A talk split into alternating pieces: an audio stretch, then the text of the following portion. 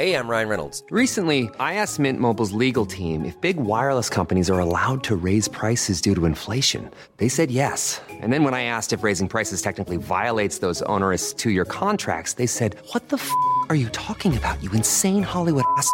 F- So to recap, we're cutting the price of Mint Unlimited from $30 a month to just $15 a month. Give it a try at mintmobile.com slash switch. $45 upfront for three months plus taxes and fees. Promo rate for new customers for limited time. Unlimited more than 40 gigabytes per month. Slows. Full terms at mintmobile.com.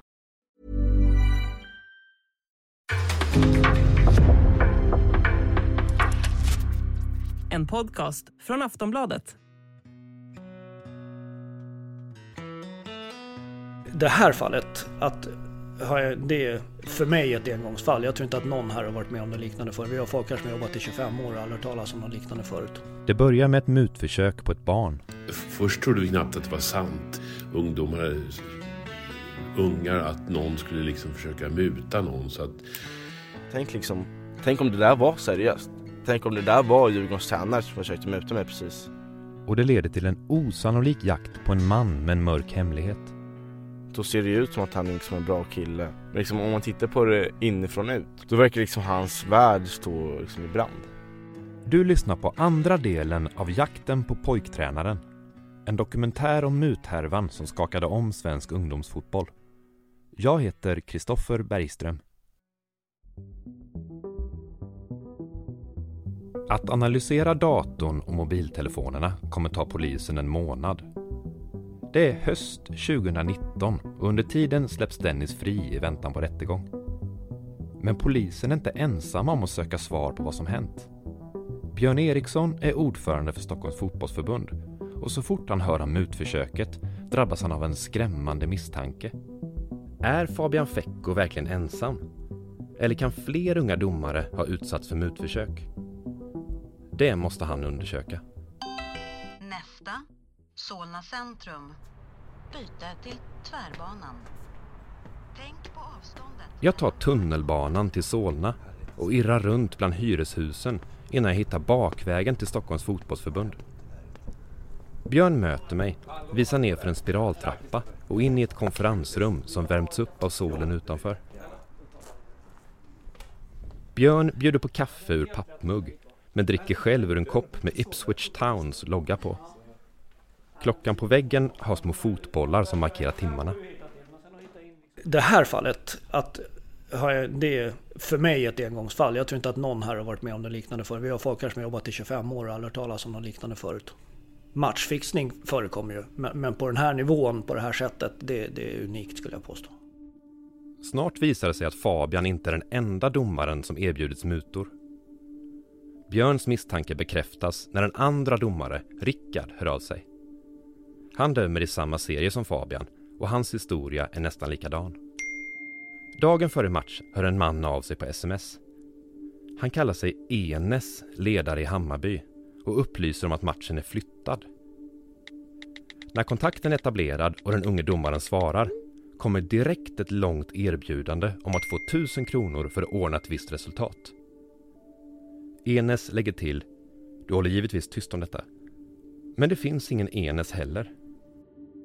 För Björn Eriksson är det en förvirrande tid. Men Fabians och Rickards vittnesmål tyder på att Stockholms fotbollsförbund måste agera för att förstå vilken sorts brottslighet de står inför. Det, det, det var så mycket spekulationer i huvudet. Man vet ju inte hur stort det är eller hur hur många, hur mycket pengar det rör sig om eller om det rör sig högre upp och så vidare. Eh, när det liksom så småningom då, när det liksom, vi fick en misstanke om vem det var som hade skickat det här. Eh, så, och, och vi ser att han är aktiv i en tredje klubb då, som inte spelar. Då, då tror vi att det handlar om att eh, han vill att hans lag ska vinna serien och att man får en merit på tränings-CV så att säga. Björn Eriksson mejlar en varning till domarna i distriktet. Han ber den som varit med om något liknande att höra av sig snarast. Snart trillar in nya rapporter. Ja, vi kan slå in och kolla på datorn här. Vi gick ut med ett liksom allmänt mail till flera domare då och så, och så sa vi så här att det här har förekommit och att om det är någon som vid något tillfälle har fått någon liknande erbjudande eller så, så, så vill vi att ni hör av er till oss. Och då är det en, vi har en 7-8 domare som har hört av sig till oss och sagt att de också har fått liknande erbjudanden. Då. Eh, och eh, jag ser serierna, det rör sig om eh, P13 till P16. Lite olika nivåer då. Och det är olika klubbar inblandade i princip alla de här matcherna. Eh, och sen så ser vi också att de här erbjudandena som, som de får, eh, domarna får då, eh, är lite sockrade. I början ligger de på någon tusenlapp och mot slutet så är det högsta erbjudandet 8000 kronor och då är det för att döma en straff i matchen. Man tänker ju också under hur stor eh, mörkertalet är här. Om, om det är fler personer som har eh, Ehm, också fått som inte vågar höra av sig till oss. Så det är klart att det också finns en liten tanke någonstans. Jag undrar hur många som faktiskt har tagit ett sånt här erbjudande och, inte hör av, och därför inte hör av sig till oss. Matchfixning är ingen juridisk term. Men sedan 2019 kan den som försöker manipulera idrott fällas för både mutbrott och spelfusk. I svensk idrottshistoria finns totalt sju fällande domar som kan kopplas till matchfixning. Sex gällde fotboll och en tennis. Det har funnits misstanke om fler matcher där stora pengar satsats på osannolika händelser. Men bevisläget har varit för svagt för att hålla i domstol. Dennis verkar ha försökt muta minst sju domare. Men förbundet misstänker 10-15 försök till. Kanske att någon har tagit emot pengar det gör troligen Dennis fall till svensk idrotts värsta muthärva någonsin.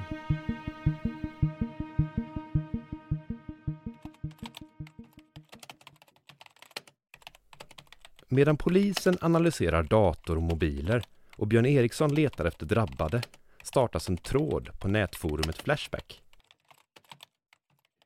Hej! Kan någon kunnig jurist ge rådgivning angående följande scenario? Alexander är tränare i ett F15 innebandylag och han har försökt muta en domare i samband med en match. Han har förfrågat domaren om han kan tänkas agera till lagets fördel mot en mindre summa pengar. Domaren har nekat erbjudandet och polisanmält händelsen. Polisen har sedan granskat tränarens telefon och det råder ingen tvekan om att han försökt göra detta. Inget tvång, hot eller pengar har varit inblandade. Nu vill åklagaren ta vidare målet till domstol. Kan tränaren bli fälld för mutbrott eller försök till mutbrott och vad kan fallet resultera i för dom? Det är användaren Anussallad som vill ha juridisk rådgivning. Och det ser illa ut för Alexander, svarar flera användare. Det räcker med att erbjudandet finns för att det ska klassas som givande av muta. Man kan fällas även om inga pengar bytt ägare. Men några tycker annorlunda Signaturen “Jag heter Sam” tycker att bevisläget verkar svagt, för vem som helst kan ha tagit Alexanders mobil. Och signaturen “Musfuktaren” menar att det borde falla under rimligt tvivel om denna innebandytränare ofta lägger ifrån sig mobilen och inte har lösenord på den. I am nothing håller med om att den historien låter trovärdig. Det bildas två läger i tråden och tonläget är hetskt. Det är tidig vinter 2019 när polisens analys av Dennis dator och mobiler är klar. Det är han som har kallat sig Enes och Erblin. I det mycket omfattande materialet hittas fyra konton som Dennis använder på Flashback. Han kallar sig Anussallad, Jag heter Sam, Musfuktaren och I am nothing. Han har debatterat med sig själv uppmuntrat sig själv. Sagt att allt kommer gå bra. Åklagaren Staffan Edlund tror att Dennis var inne på Flashback för att testa sitt försvar inför den kommande rättegången. Ja, ska jag spekulera så tror jag väl att han helt enkelt eh, behövde, han ville kanske ha råd hur han skulle göra i den här situationen han hade hamnat i. Och att i, i det läget så förefaller det som att han gick in på Flashback under flera olika identiteter och, och, och, beskrev det som hade hänt och försökte få liksom, någon skulle berätta om han kunde komma undan genom att eh, säga på något visst sätt eller göra på något visst sätt. Om, om vad det här han hade gjort kunde det liksom vara brottsligt och, och han hade några förklaringar som han ville använda och se om, om, om det skulle gå liksom att använda dem rättsligt och sånt. Det var, det var vad jag tror om det. Men det finns också sms, bilder och filmer i datorn. Och det materialet gör att utredningen växer. Det här blir inte så enkelt som åklagaren Staffan Edlund först trodde det här började då med misstanke om, om två fall av, av givande av muta men sen så blev det då eh, också eh, misstanke om bedrägeri då när det gällde datorn som då var, var stöldanmäld men ändå fanns i hans besittning och också då misstanke om barnpornografibrott.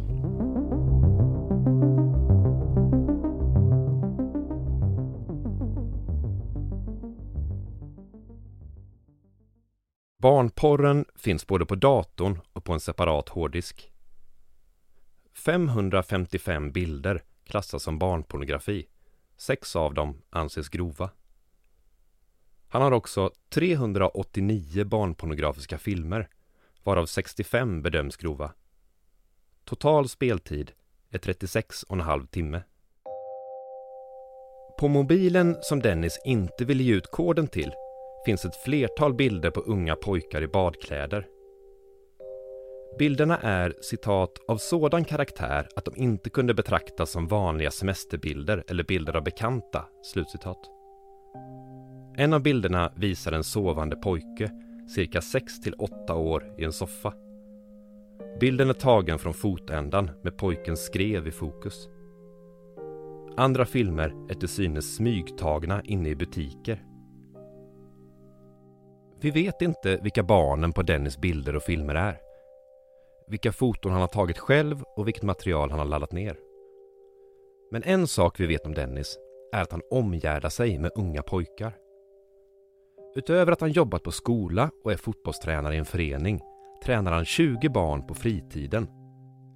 Han är deras privata fotbollstränare. Han gör det i hemlighet för hans klubb tillåter inte den sortens dubbla roller. Det händer att Dennis hämtar dem med bilen och kör till träning. Han skjutsar dem ofta till matcher, fast det är tidigt på helgmorgnar. När han i förhör får frågor om varför anger han inga ekonomiska skäl utan att han ändå tittar på mycket fotboll på plats. Och så gör han det för att vara snäll. Det kan stämma. Kanske sköter sig Dennis exemplariskt som privattränare för unga pojkar de här åren. Det finns i alla fall inga klara bevis för motsatsen. Men är han lämplig? KBT-terapeuten Katarina Götz Öberg på Anova i Stockholm är specialiserad på människor som har problem med sin sexualitet. Enligt henne är det oroande när en person med pedofila störningar omger sig med barn. En sak som jag tycker är viktig i det här sammanhanget, om man nu säger att vi inte väljer vad vår sexuella intresse riktar sig åt för håll, eller, så är man ju alltid som enskild individ ansvarig för sina handlingar. Och då finns det ju några riskfaktorer kring just de här sexuella beteendena eller impulser eller fantasier och det är inte bara att man har det då, utan en sån här viktig faktor är också hur upptagen man är eh, sexuellt och hur mycket man planerar för sin aktivitet med eh, till exempel titta på övergreppsmaterial eller så. Och eh, om man har en eh, starkt intresse för barn så kan det ju vara direkt olämpligt att vara i miljö där man då exponeras för och träffar många barn. Det som verkade vara en historia om mutor visar sig också handla om barnporr. Björn Eriksson på Stockholms fotbollsförbund har funderat över hur allt hänger ihop. Jag kan fortfarande inte riktigt koppla alltså den barnporrsdelen till att muta en domare i en match mellan två olika föreningar här i Stockholm. Så jag, jag fatt, det måste ju finnas en helhetsbild här som jag fortfarande inte riktigt förstår. Men det är klart att det blir allvarligare när man, när man lägger in det i bilden. Är man moraliskt tveksam på ena stället så kanske man kan vara det på andra stället också. Det, det, och man kanske kan säga att det här är mer än moraliskt tveksamt. Dennis tycks kämpa hårt för att framstå som ordnad. För att upprätthålla den polerade ytan är en detalj viktig. Att han läser till läkare. Det gör bara toppstudenter. Men Dennis ska inte bli läkare. På Karolinskas läkarprogram i Stockholm går ingen Dennis. Däremot stämmer det att han har varit där. I oktober 2017 skrev Dennis högskoleprovet för sjätte gången i livet. Efter fem misslyckanden fick han nästan full pott på ordförståelsen, engelskan, statistiken och geometrin. Med totalpoängen 1,85 var han snart intagen på läkarlinjen i Stockholm. Ett år senare avslöjade SVTs Uppdrag granskning att studenter betalat uppåt 100 000 kronor för att fuska sig in på sina drömutbildningar. Det handlar om högskoleprovet. I lördags så slog polisen till mot en lägenhet i Norrköping. Tre män misstänks för att ha sålt de rätta svaren till proven och sitter nu häktade för högskoleprovsfusk. Och de hade fått de rätta svaren i en hörsnäcka som var så liten att den behövde tas ut ur örat med en magnet. Dennis namn fanns bland kunderna. I början av hösten 2019 utesluts han från läkarprogrammet. Det är bara några veckor innan han försöker muta Fabian och Rickard.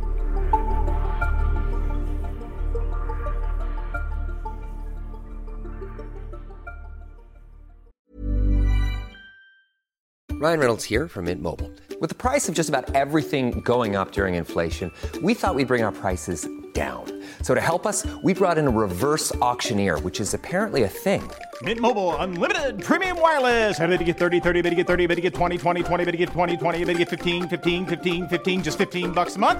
So, Give it a try at mintmobile.com/switch. slash $45 up front for 3 months plus taxes and fees. Promo rate for new customers for limited time. Unlimited more than 40 gigabytes per month slows. Full terms at mintmobile.com.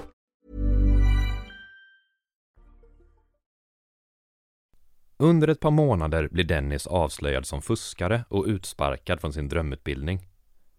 Han lägger enormt mycket tid på barnen han tränar i föreningen och privat.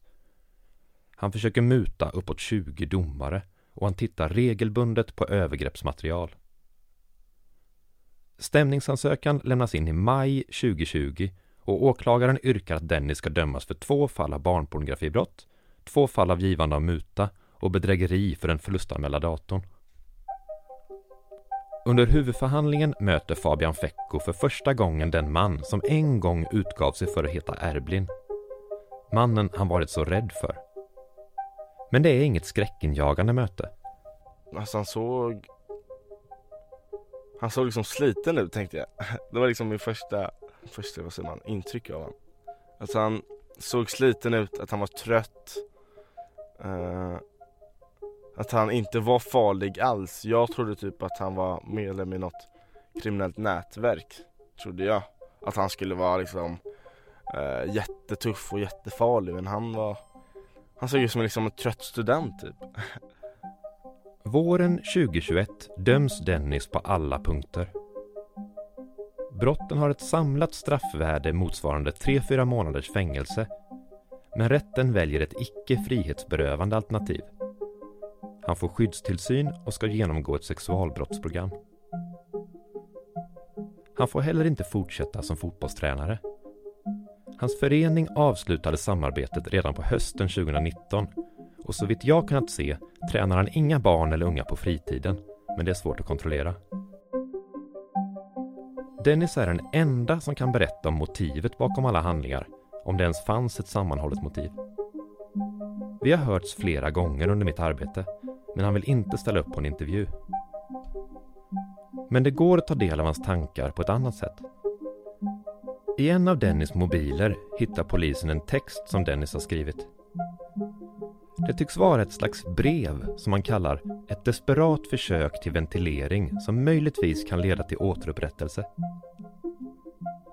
I texten kallar sig Dennis pedofil. Han vill inte vara det, men kan inte förneka sin dragning till unga pojkar. Jag beskrivs bland mina anhöriga som oerhört glad inställning till livet och obegripligt snäll. Men jag orkar inte upprätthålla denna fasad. Jag har inte valt min sexuella läggning och det är generellt ingen som kan göra det. Ifall man kunde hade ingen valt min. Men detta avlägsnar inte faktumet att jag äcklas av mig själv. Ingen kan nog fullkomligt förstå hur jobbigt det är att komplett hata sig själv till denna grad. Jag har aldrig någonsin agerat på mina känslor och fantasier och det fungerade till en början. Men faktumet att aldrig någonsin få spela ut dessa känslor har ätit på psyket och jag orkar inte leva i en värld där jag tillhör en grupp som betraktas som en av de mest hatade i samhället. Jag är pedofil, inte våldtäktsman och vill inte ligga med varje pojke jag ser. Och jag tycker att det är viktigt att kunna se denna kontrast. I texten beskriver han två drivkrafter i livet. Den ena är att hemlighålla sin sexuella dragning till barn. Den andra är att till varje pris passa in i en grupp Vi människor är sociala djur som strävar efter att ha relationer och en stor tyngdkraft i våra liv centreras kring sexuella relationer eller närkontakt. Och gemenskap, att man tillhör en grupp, att känna sig behövd och viktig. Han tycks vara i fritt fall. I sin så kallade ventilering listar han misstag han begått och ångrar. Som att han fuskar sig in på sin drömutbildning. Och att han sålt och använt droger sedan han var 14 år gammal. Dennis har länge känt sig utanför. Han har ansträngt sig till det yttersta för att passa in överallt, också där han egentligen inte hör hemma. Och så dricker han i sin ensamhet. På senare tid verkar Dennis ha tappat kontrollen över alkoholen och drogerna. Jag begraver hatet och sorgen mot mig själv djupt nere i en dvala av opioider och sköljer ner tankarna med ett par glas absint. Dagligen. Vi är tillbaka på Östermalms IP i Stockholm. Klockan är ett på dagen och jag och Fabian Fecko sitter i min bil. Skolbarnen nere på planen rusar bort mot nästa lektion. Fabian har slutat döma fotboll. Han hinner inte kombinera det med sina studier. Nu läser han för första gången domen och förundersökningen mot Dennis. Ja, han tar upp väldigt mycket allvarliga grejer. Mörka grejer. Han är mycket saker som liksom finns på hans hjärna. Mycket mörka saker. Dennis är borta från svensk fotboll för överskådlig framtid och allt börjar med att en 15-årig domare vägrade hålla tyst. Vägrade lyda rädslan och osäkerheten. Fabian Fecko grubblar över allt som hänt. En sak är han säker på. Han gjorde rätt. En man som Dennis ska inte vara tränare för barn och ungdomar. Ja man, alltså utifrån hans liksom liv, om man tittar liksom utifrån eh, in Då ser det ut som att han är liksom en bra kille som pluggar på läkarprogrammet, jobbar på en skola eh, Hjälper liksom ungdomar med fotboll och liksom träning. Men liksom om man tittar på det inifrån ut, liksom, hur liksom han mår då Då verkar liksom hans värld stå liksom i brand. Han är liksom han tar tar upp väldigt grova grejer om pedofili och eh, sådana saker. Så ja, det är helt sjukt tycker jag att han eh, Att om inte jag hade gjort något så hade han liksom fortfarande varit där ute kanske. Och ja, vem vet liksom vad skulle hända då.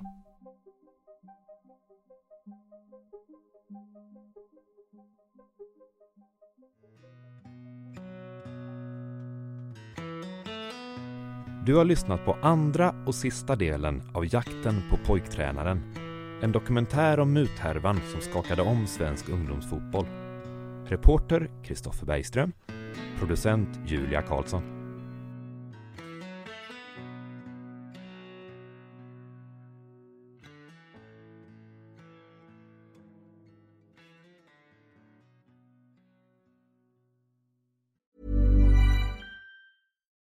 Botox Cosmetic, out of botulinum toxin A, FDA approved for over 20 years. So, talk to your specialist to see if Botox Cosmetic is right for you. For full prescribing information, including boxed warning, visit BotoxCosmetic.com or call 877-351-0300. Remember to ask for Botox Cosmetic by name. To see for yourself and learn more, visit BotoxCosmetic.com. That's BotoxCosmetic.com.